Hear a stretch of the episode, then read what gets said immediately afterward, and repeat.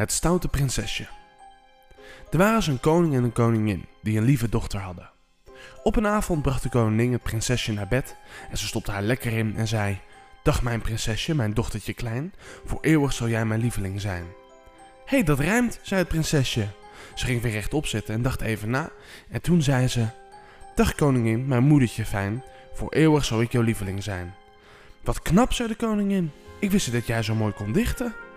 De volgende dag kwam de koning thuis van een lange reis. Hij bracht een papegaai mee. Wat een mooie veren, zei de prinses. En dat is nog niet alles, zei de vader. Het bijzondere is dat hij kan praten.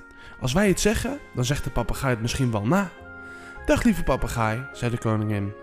De papegaai zei niets, maar de prinses zei: Dag lieve papegaai. Zeg eens wat, zei de koning. Zeg eens wat, zei de prinses. En de papegaai hield zijn mond. Wil je een kopje thee? probeerde de koning. Wil je een kopje thee? aapte de prinses haar vader na. Ja, zo ging het maar door. De papegaai zei hem niets, maar de prinses herhaalde alles wat de ouders zeiden. En wat zo gek was, ze konden niet meer mee stoppen. S'avonds had de koning er schoon genoeg van. Nou, het is zo wel leuk geweest, meisje. Hou er nu maar mee op. Maar de prinses antwoordde: Het is zo wel mooi geweest, meisje. Hou er nou maar mee op. De prinses kon het napraten niet laten. Ze ging er alle dagen mee door en de ouders wisten niet meer wat ze moesten doen. Misschien ligt het aan de vogel, zei de koning. Hij liet de papegaai vrij, maar ook dat hielp niets. Om wat rust te krijgen stuurden ze hun dochter naar buiten. Maak maar eens een wandeling, schat, zei de koningin. Maar ga niet te ver, hè? En op tijd thuis zijn. Het prinsesje herhaalde alle woorden van haar moeder en huppelde daarna het bos in.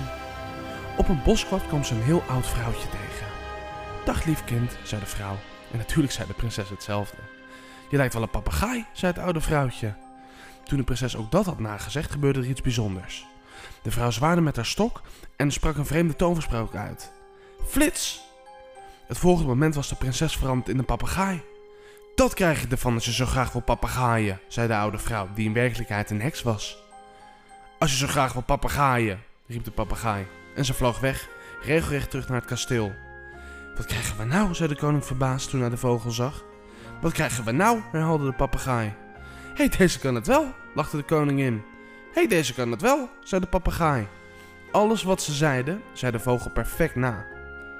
Die avond was de stemming in het kasteel bedrukt. Prinsesje was niet thuisgekomen van een wandeling. Als er maar niet iets ergs gebeurd is, snikte de koningin. Iedereen hielp zoeken, maar de prinses werd nergens gevonden. Ze bleef maandenlang vermist.